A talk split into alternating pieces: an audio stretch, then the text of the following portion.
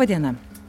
Studijoje Strasbūre europarlamentarai vieši Petras Auštrevičius, Bronius Ropė ir Juozas Olekas. Sveiki. Sveiki. Šiandien mūsų tema iš tikrųjų užsienio politika, kurios labai daug Europos parlamente šią sesiją ir visiškai tokia rytų partnerystė savaitė kažkokia, tai tiek, tiek Europos parlamente, tiek ir net ir ne čia, bet ir Briuselėje lygiai taip pat veiksmas vyksta tą pačią kryptimį. Šiandien įteikiama Rusijoje kalinčiam Aleksėjui Navalnui Europos parlamento Sakharovo premija už minties laisvę, minimas paminėtas Sovietų sąjungos žlugimo 30-metis, aptariamas Rusijos galima grėsmė Ukrainai. Iš tikrųjų, tie labai, na, tokie kaip čia taip viskas susidėjo į vieną vietą iš tikrųjų, kodėl? Ar ne per daug net? Atrodo toks neįprastas dalykas, ar ne? Praktiškai na, tie, tie klausimai uh, apima visą savaitę, kasdien bent po vieną kažkokį tai dėmesio momentą, pavyzdžiui, Rusijai. Ponas Petrai. Matyt, neatsitiktinai. Aš sakyčiau, galbūt tik tai per vėlai jau atkreipiamas dėmesys į tai, kas vyksta e, rytuose, kas vyksta konkrečiai Rusijoje. Ir e, visos tos datos taip sutapo, bet jūs pažiūrėkite, e, mes ketvirtadienį turėsime ir rezoliuciją dėl e, memorialo uždarimo, ar ne? Tai, kaip sakyti, kokios čia istorinės dienos. Tiesiog vyksta represijos toliau, uždarinėjamos nepriklausomos nevyriausybinės organizacijos, kaltinamos, šlovinamas Stalinas ir panašiai. Tai mes tiesiog fiksuojame galbūt tuos procesus šių metų pabaigoje kurie e, labai aktyviai vyko ištisus metus. E, gal mes ne visada laiku atkreipdavom dėmesį, netgi sakyčiau, į, į tai. E, buvo ir kitų reikalų šalia, reikia pripažinti, ar ne, ne vien tik tai Rusija. Mums, kaip sakyti, rūpi stebėti.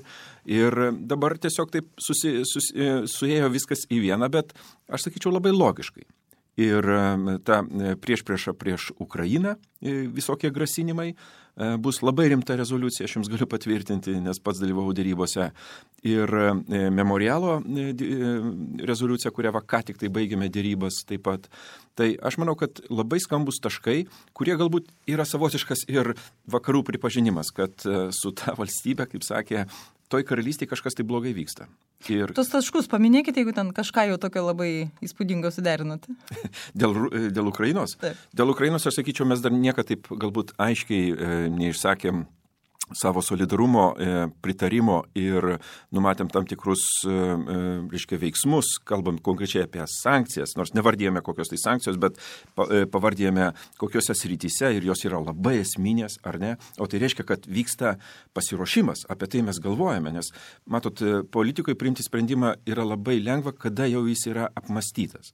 Tai va, aš sakyčiau, apmastymo stadijoje mes esame labai rimtai pasiryžę ir turiu pasakyti, kad visos politinės grupės, kurios dalyvavo dėrybose, kuriuose praktiškai neturėjo jokių esminių nuomonių įsiskirimo. Čia yra labai gerai mano nuomonė. Tai ir labai tvirta žinia Ukrainai. Aš vakar, tarp kitko, gavau daug žinučių iš Ukrainos. Ukraina stebėjo tą diskusiją, kuri vyko Europos parlamente. Mums atrodė, kad tai yra dar viena diskusija apie Ukrainą. Ukrainai šios dienos yra išgyvenimo dienos. Mes turime tą suprasti. Žmonės tiesiog, na, yra išgazdinti to karo grėsmės ir jie laukia bet kokios paramos, supratimo e, bendrystės ir panašiai. Todėl aš manau, kad visa tai labai logiška ir man tai patinka, kad e, mes ganėtinai solidžiai visą tą dalyką e, darome. Iš tikrųjų, tas, kaip jūs sakot, vis solidžiai darom, vis dar aptaram, bet, bet tokio kažkokio konkretaus ar ne, ne paminėjimo, kad pavyzdžiui, jeigu bus įsiveršta į Ukrainą, sankcijos bus tokios tokios, jokio paruošto plano kol kas nėra.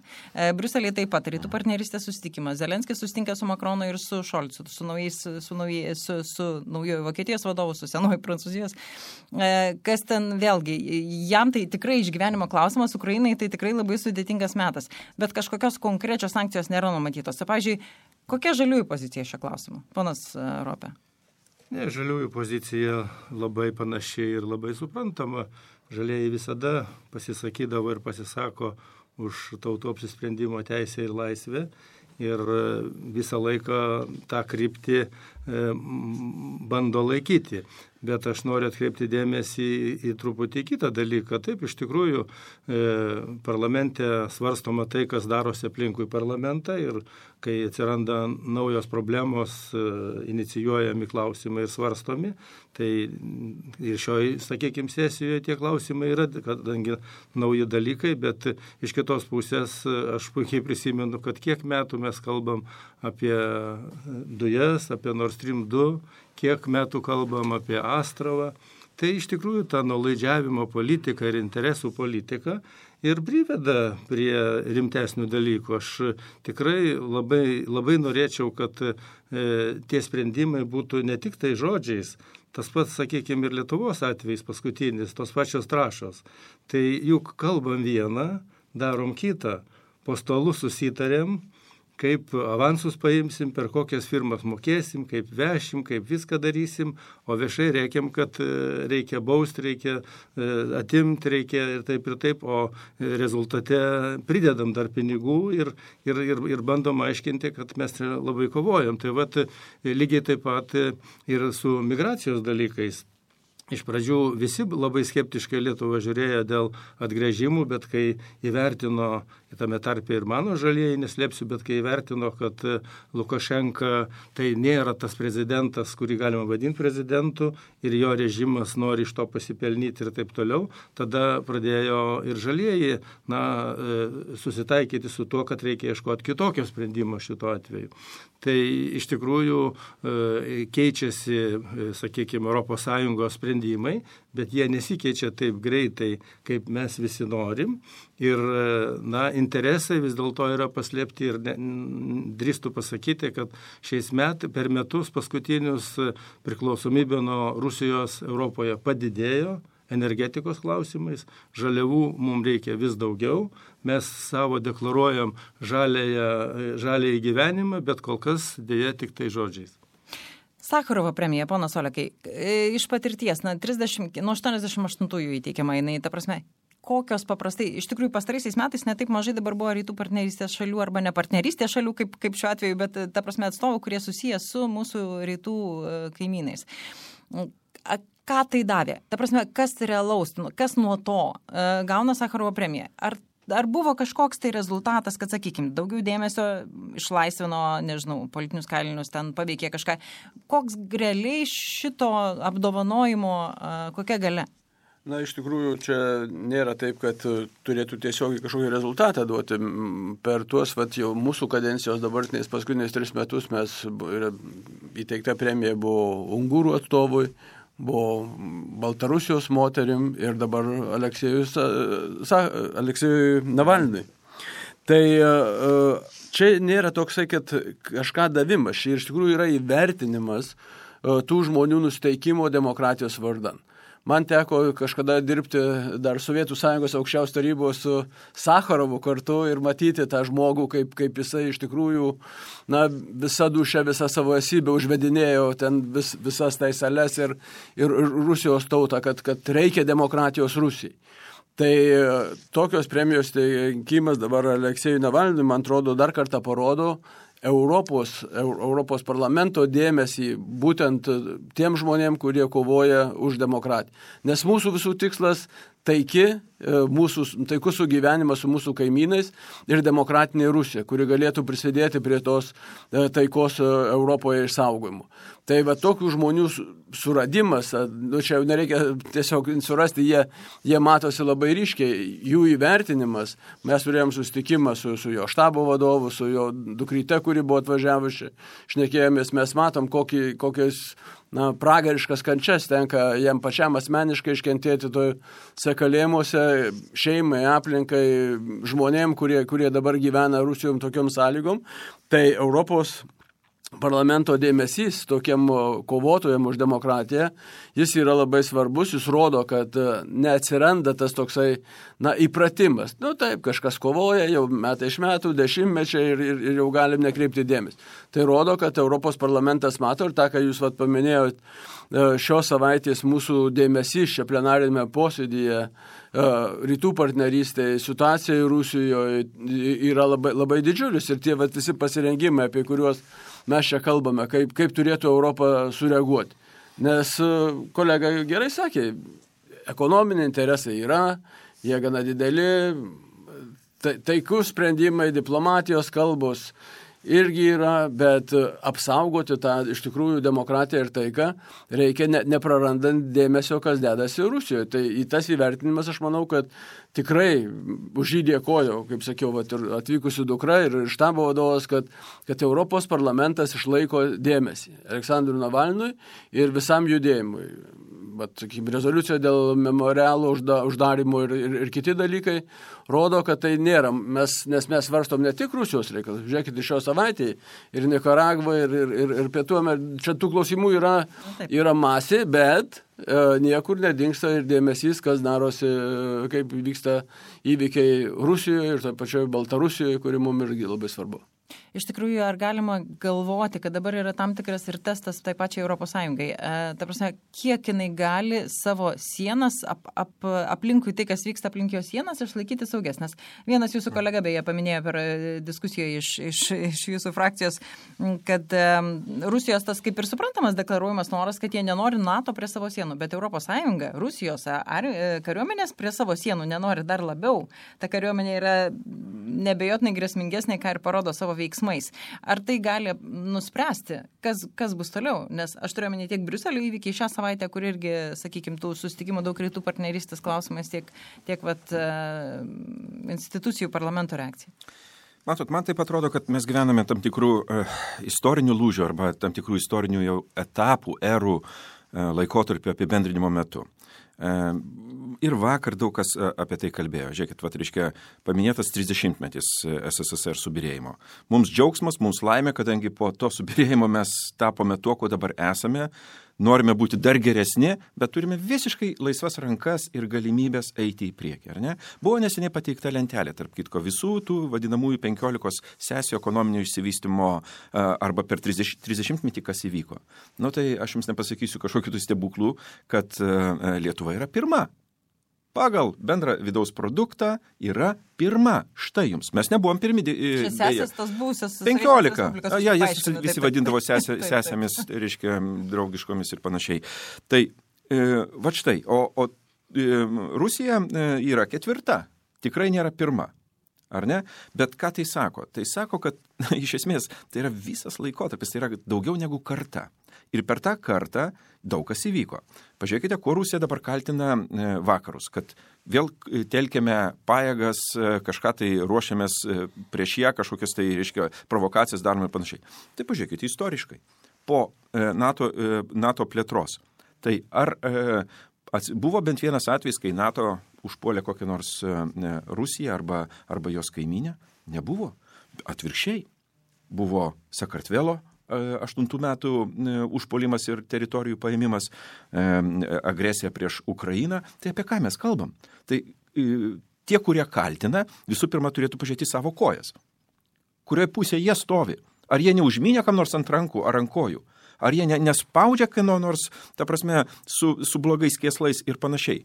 Bet va tas laikotarpis yra, aš sakyčiau, tikrai didžiulių pokyčių, bet tai, kas vyksta Rusijoje ir kur e, apskritai Rusija juda, mes negalim dabar dar atsakyti. Mes matome, kad yra blogos tendencijos kad uždarinėjamos nepriklausomos organizacijos, kad žmonės nuodėmi, kad žmonės išstumiami, kad viskas yra pajungiama pinigams ir valdžiai. Bet kur tas nuves?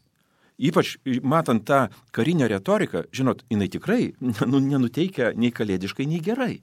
Ta prasme, yra daug baimės, daug nerimo žmonėse ir visiškai pagristo, kadangi, nu žinot, kai švaistosi ginklais e, ir tokiais žodžiais brandulinė valstybė ir žinant jos neatsakingumą ir požiūrį į kaimynus, nu, mes natūraliai turime su, sukrusti ir klausytis, bet Ar, ar mes žinome, kur jinai nuves? Todėl, kad jinai nėra prognozuojama. Visiškai nėra prognozuojama. Jos politika nesiremia kažkokiais tai aiškiais e, tarptautinės teisės principais. Jie visą laiką išgalvoja, visą laiką išlanksto kažkaip tai pagal save. Tai e, manau, kad mums reikia patiems kalbėtis ir aiškinti kitiems. Dabar daug kas pripažįsta, kad klausydamėsi lietuvių ar tenai baltiečių prieš porą dešimtmečių jie girdėjo kitus vertinimus apie Rusijos ateitį.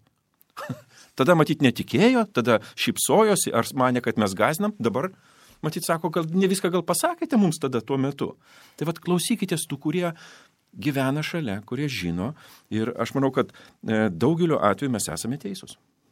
Tai kaip baltiečiai dabar jau išklausomi ir girdimi yra, ar ne visai, e, na, bendra atmosfera iš tikrųjų ir Europos parlamente smarkiai pasikeitus per pastarosius ten ir dešimtmetį prisiminus, tai tikrai buvo visai kitokios natos girdimos ir, ir dabar netgi ir, ir Europos tarybai lygiai tas pats. E, kiek, kiek teko girdėti, pavyzdžiui, susirinkus ambasadoriams ar užsienio, užsienio ministrų lygmenį nėra jokio nesutarimo šito klausimu. Tačiau lygiai taip pat ir nėra jokio sprendimo arba sutarimo.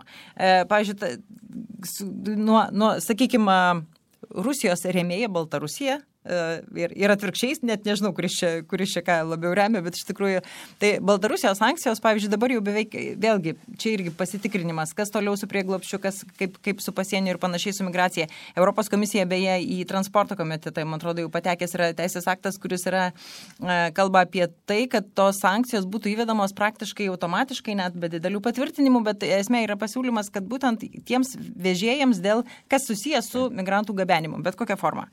E, čia jau, sakykime, konkrečios pakankamai sankcijos, su Rusija konkrečių sankcijų nėra. Baltarusijos jau kaip ir išsako tas, sakyčiau, galimybių ratas, na, kiek, ką dar, kalio trašom įvedė, nesilaikoma, ne? Ten e, dar kažką tai galios nuo kitų kažkokių tai sutarčių, kurios bus sudarytos kažkada tai. Mm, ir jau net nelabai yra ką betaikyti. Ar, ta prasme, koks dar rezervas Europos, ką galima pasakyti? E, kas turi įvykti, na, kad šeštasis paketas rengiamas, ne? Ta šešta, šeštajam pakete, kas gali būti naujo?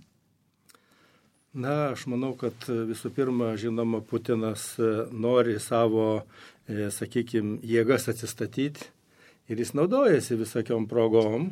Jis žino, kad e, Europa priklausoma nuo jo, jis žino, e, reiškia, e, kad Europa neišgyvens be jo, jis sugebėjo dujų kainą sukelti įvairiais, sakykime, ėjimais, dabar sugebėjo uždaryti Europos pramonę, kuri dujas perdirba į kitus produktus, ten, sakykime, tą pačią trašas, reiškia, keliariopai padidėjo, e, reiškia, eksportas į Europą, dėl to, kad e, jie gali pagaminti šiek tiek pigiau, tas pats mūsų azotas stabdo gamybas ir taip toliau. Ir Rusija tuo naudojasi, kaupė savo pinigus, kaupė savo jėgą. Ir per tą jisai dabar pasiūlė perbražyti linijas, jisai e, nori pasimti savo įtakom, e, sakykime, ir Ukrainą, kad tai mano šalis, jūs čia nekiškit nagų, ir apie Baltijos šalis kalba, ir ten užbrėž noriu, ir ten užbrėž noriu, ir kviečia, e, reiškia, Amerikos prezidentą, kviečia Makroną, kviečia Vokietijos vadus, kalbėkime, dalinkime, tai kas čia ne, ne pasaulio pasidalinimas, ne įtakų pasidalinimas. Tai iš tikrųjų antras dalykas, kaip elgiamės mes, reiškia, vietoj to, kad aš sutinku su kolega Petru, kad taip, dabar geriau girdi. Ir dabar paklausė net mūsų, aš kaip pasakau savo kompanijai, kad sakau, 20 km nuo Baltarusijos sienos gyvenu ir daug metų ten gyvenu ir ten visą laiką po vieną kitą migrantą ėjo. Ir visą laiką turėjom problemų tokių panašių, tik tai neturėjom tokio masto, kada e, pradėjo organizuoti, tai tada šiek tiek pradeda klausyti. Bet iš kitos pusės, nu, paimkime mes, kad ir, sakykime, su Kinijos reikalais, tos pačios Baltarusijos reikalais, mes pirmą priimam kažkokį tai sprendimą, paskui rėkiam, europiečiai padėkit, mes nesusitvarkom mūsų polą tai gal mes prieš tai pasitarkim su europiečiais, su kolegom, pasiderinkim pozicijas ir bendrai veikim. Tai ne, ne, ne tik tai, kad, sakykime, pasakėm, tai dėl tų pačių trašų. Europos sankcijų tai beveik nėra. Tai e, sankcijos Amerikos, e, tos sankcijos Amerikos, tai veikia, tai neveikia. Vieni kalba, palaukit, palaukit, ne doleriais atsiskaitom, palaukit, palaukit, ne Amerikos kompanijos veža. Šiandien jau girdžiu, kad e, Lietuvos geležinkeliai neveš, veš privatus vežėjai. Tai iš tikrųjų yra, sakykime, nu kaip čia pasakyti, kalbam vieną, O arba nedarom, arba nesuprantam, kaip daryti, arba nenorim daryti. Tai prisipažinkim, sakykim, ta pati Lietuvos valdžia, premjerė, pasakyk, e, ką darėjai ir ką darysi. Nes e, toks, toks chaosas ir dabar liktai europiečiai kalti, kad kažko tai nedadarė, kai mes patys labai daug ko nepadarom. Arba padarom, o paskui sakom, kad e, pas mus problemų mums padėkit. Panas Alekiai. Na, iš tikrųjų, aš manau, kad e, Europa turi dar instrumentų, jeigu reikės e, tai sankciją sugriežtinti ar įgyventi. Bet e, kaip gerai mano kolega sakė, mes turim žinoti, kad užsienio politika yra mūsų diplomatijos ir mūsų ekonominio klėstėjimo vienas iš tokių, na, kelių, kaip tą galima padaryti. Tai jeigu tu turi planą, jeigu tu jį apsvarstai su partneriais, toj pačioj vyriausybėje arba su verslo atstovais, tu gali tada žinoti, kad, ka, ka, kokie sprendimai primami. O mes čia Europos parlamente, kolegos galbūt ilgiau dirba, jie sako, kad, kad tas požiūris keičia, bet nuo to, kaip man čia tenka dirbti, tai aš matau, kad jie iš tikrųjų supranta tą dalyką. Man teko dirbti kitose pozicijose, kaip vyriausybės nariui, būnant ministrų tarybose, mes e, gana dažnai ten rasdavom kalbą, o, o dabartiniu metu man atrodo, kad tikrai ir Europos parlamente visose frakcijose, na, yra pavieniai žmonės, kurie, kurie galbūt turi kitą poziciją atstovauja, bet, bet didžioji dalis supranta, nes tos problemos yra labai panašios kaip pietinėse valstybėse. Jeigu kalbėsim apie migraciją, pietinės ES valstybės išgyveno tais problemas na, prieš 6-7 metus, kada čia buvo ta, ta pirmoji banga. E, tai, tai tokių dalykų yra ir mums tikrai reikia patiems tiek čia atstovaujant Lietuvai, tiek mūsų Lietu, Lietuvos valdžia, kad labai aiškiai pasakytų, ką ji nori padaryti. Ar ji nori būti tas rūporas, kuris pasako ir paskui susi, susiglemžia visą, visą rūkštį į, į save ir, ir prašo, kad kažkas tai čia ją, ją gelbėtų ir, ir skirtų?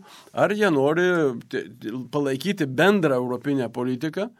ir kaip kaimynai turėti tam tikros naudos iš ekonominių ryšių.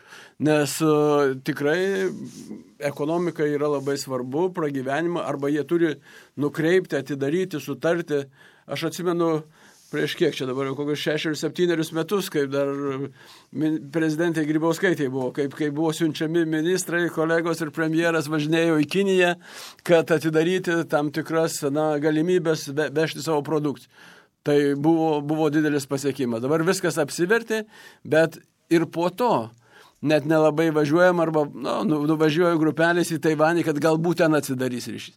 Taivaniečių atstovybei atidarant Vilniuje užsienio reikalų ministro nebuvo.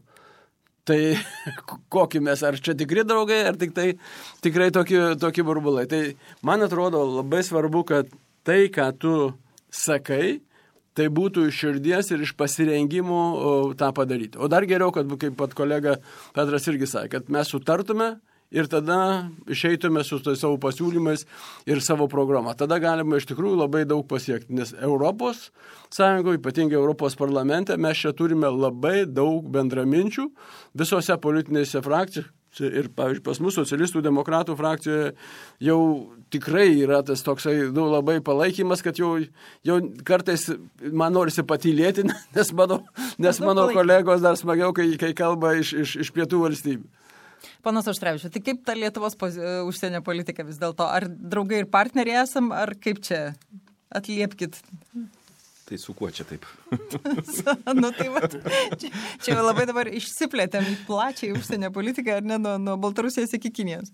Aš manau, kad e, grįšiu prie savo tos tezės, kad e, mes gyvename tam tikrų geopolitinių lūžių laikotarpiu. E, duosiu du pavyzdžius. Iš tiesų, dar praeitais metais buvo bandymas patvirtinti naują investicinį ir ekonominį susitarimą su Kinija.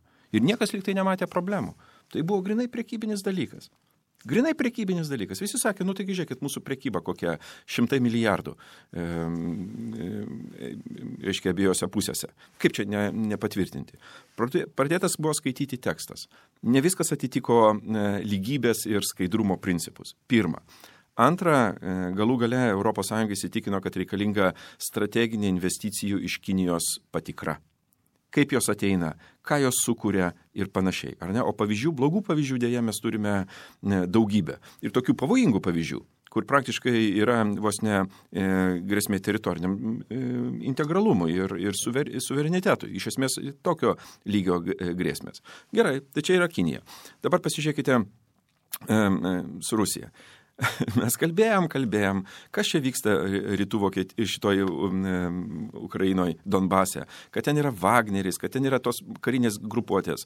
Kalbėjom, bet nu, atrodė, kad viskas eina kaip į sieną, viskas sieną sugeria Ir, ir toj sienui viskas lieka. Tik reikėjo kelio, kel, kel, keletos ir labai rimtų pranešimų su įrodymais, reportažų apie e, e, Wagner e, grupės veiksmus Afrikoje, konkrečiai Centrinės Afrikos Respublikoje, dabar su ketinimu ateiti į Malį, kur yra tiesioginiai Prancūzijos strateginiai interesai, iš karto pasikeitė tema. Niekam nereikia aiškinti, kaip Juozas sako, visiems tapo, o taip, nu tai kaip čia, taigi čia jau praktiškai e, Afrika pradeda kalbėti rusiškai. Ar ne? Nu, sprendžiant iš, iš kai kurių pranešimų. To, tokia yra ambicija. Tai, žinot, kol Lietuva viena kalbėjo ir, ir mes kalbėjom taip pakankamai intensyviai, e, tai buvo viena. Dabar, kai tik tai pastebėjo kiti, iš tikrųjų daro jau mūsų darbą ir mums jau reikia e, tada kai kurių paaiškinimų galbūt, bet susidėliojame sprendimą labai aiškiai. Tai štai kokioje mes situacijoje esame. Ir aš manau, kad tai yra ne pabaiga. Bus dar didesnių pripažinimų. Nes, atvirai tariant, kol Šrioderis nebus pavadintas labiausiai korumpuotų Europos politikų, jėgos, e, reiškia, užsienio agentų, sakykime taip, Europoje, tol mes tęsime, ta prasme, tokias vat, lenktynės ir grumtynės ir kažkokias lėpinės tarpusavyje. Tai reikia viską tą įvardinti. Ir kol tas dalykas nebus taip jau aiškus, e, tai taip, mane pavyzdžiui apstulbino e, naujojo Austrijos kanclerio vienas pirmųjų pasisakymų. Jis pasakė, be Nord Streamo gyvenimo neįsivaizduoju, tai yra geras projektas ir panašiai. Kur tai veda? Palaukite, tuoj, tuoj išgirsime apie didžiulius korupcinius skandalus ir panašiai. Va, va, va, va. Ta prasme, maža to, kas jau ten atsitiko, bet vis tiek seną dainą dainuoja.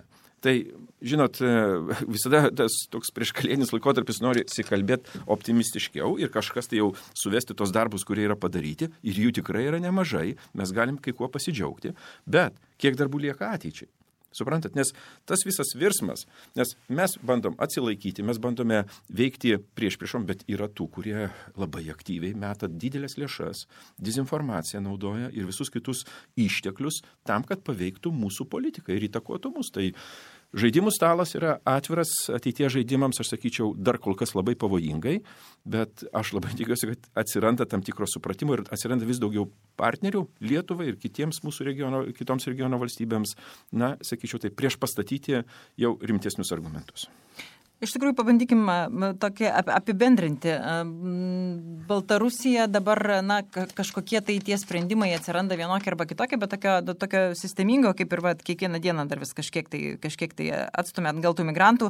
Ne visada tas elgesys ir Lietuvos žiūrint tarptautinių požiūrių, ir, ta prasme, tų migrantų atžvilgių ne visada jis yra, gal sakykime, draugiškas arba mm, vardinkim kaip nori, hybridinis karas ar dar kas nors, bet ten yra gyvi žmonės, vaikai ir, ir, ir panašiai, tai kartais tas, tas sakykime, labai vairiai įvairiai skamba, bet na, vis dėlto niekas ne, praktiškai nepasikeičia. Nežinau, kiek ten dabar tų atvažiuojančių Baltarusiją, koks, kokie ten kiekiai, gal biški ir pristoja, bet sako, kad per, per Rusiją jau į Gardiną važiuoja. Tai vėlgi tie kiti keliai atsidaro. Ar realiai kažkokie tai veiksmai gali būti? Rusija be abejo remia visą tą procesą. Kitas klausimas - Rusijos įsiveržimą. Jeigu iš tikrųjų realiai kažkokie karo veiksmai su Ukraina, kas greičiausiai yra tiesiog gazdinimas tam, kad būtų kuo daugiau alaso ir kuo daugiau kalbėjimo su juo, kas irgi tikriausiai, tai kas vis dėlto būtų dar? Baltarusijai ir Rusijai, kuriai sankcijos nėra paruošta. Ar tai gali būti nors trim kalba, kuris kol kas stovi, nėra patvirtintas Europos institucijų, bet tai ar gali kas nors su to būti, ar negali? Na, aš manau, kad visų pirma, tai Nord Stream 2 tai yra nu, savotiškas net ateities projektas. Nes e, nėra pilnai dar išnaudojamas ir pirmas Nord Streamas. Tai galimybė dabar atsiranda laivų visokių vežioti dujas ir taip toliau, ir taip toliau. Tai e, jeigu mes rimtai eisim su žaliojų kursu ir rimtai investuosim į energetiką, į savo energetiką, į energijos taupimą, pavyzdžiui, renovaciją. Pusė sutaupo, e, reiškia, kūro. Mm. Kodėl, pavyzdžiui, Ignalino savivaldybė, Ignalino renovuota jau prieš šešis metus pilnumoj, o Vilnius yra prašiausiai renovuotas Lietuvoje ir vienintelis miestas, kuris naudoja dujas. Ir dar rusiškas. Arba iš laivo, kuris e, žadėjo labai piges, bet e, kažkodėl tai nesigirdi dabar, kad ten yra pigių dujų. Tai e, iš tikrųjų e, turim veikti šiandieną ir tuoj pat. E, iš tikrųjų manau, kad pajėgi Europa per kokius, nu, penkis, per dešimt metų ženkliai padaryti darbų, kad būtume mažiau priklausomi tada, žinoma, ir e, kai nebusim e, priklausomi, tada gali ir su mumis kitaip elgsis. Dabargi vyksta propaganda, vyksta visokie, sakykime, dalykai ir taip toliau. O tai, kad Ukraina, tai ne, ne, niekas čia naujo.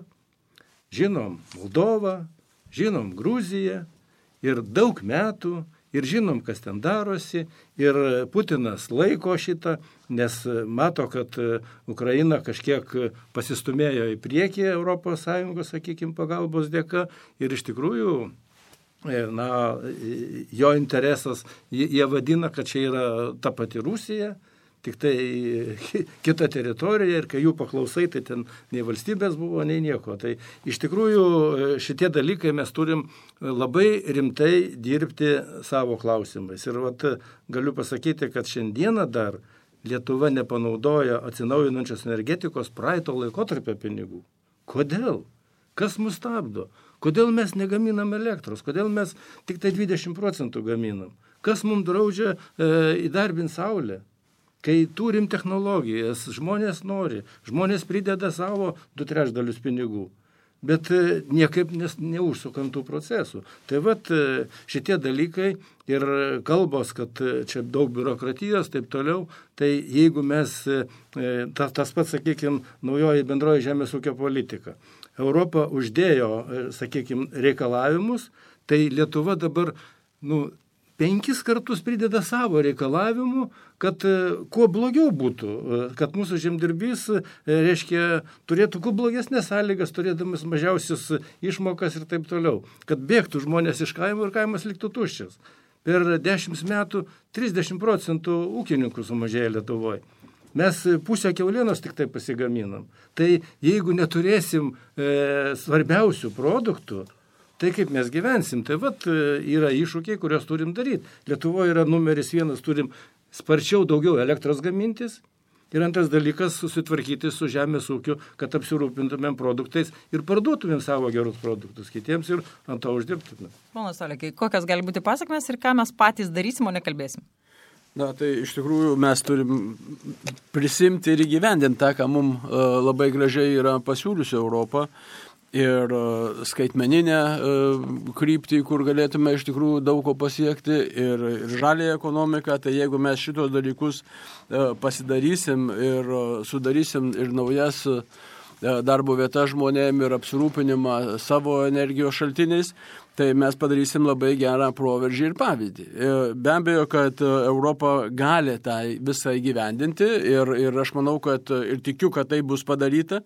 Ir pačios Europos pavyzdys ir jos e, toks artimas, stipresnis ryšys su kaimynais. Ypatingai vat, mes kalbam dažnai apie rytų partnerystę, mes e, dirbame tam formate, tai šitų E, e, sėkmingų rytų partnerystės šalių pavyzdys, jisai irgi labai sustiprina tiek ir mūsų saugumą, tiek ir tų žmonių gyvenimo kokybę pagerina, tiek ir pavyzdį tiem patiem Baltarusam ar, ar Rusijos piliečiam, kurie mato, kad iš tikrųjų propaganda yra viena, žvaginimas ginklais yra vienas, o taikus, nuoseklus darbas ir, ir gyvenimas ES ir tose valstybėse, kurios pasirinko demokratinę kryptį, kad tai yra pavyzdys ir, ir siekis. Tai jeigu tas pavyks padaryti, čia pagrindas yra iš tikrųjų, kaip suderinti tą Europinės ES užduotą skaitmenizacijos žaliojo kurso kryptį su sprendimais mūsų valstybė.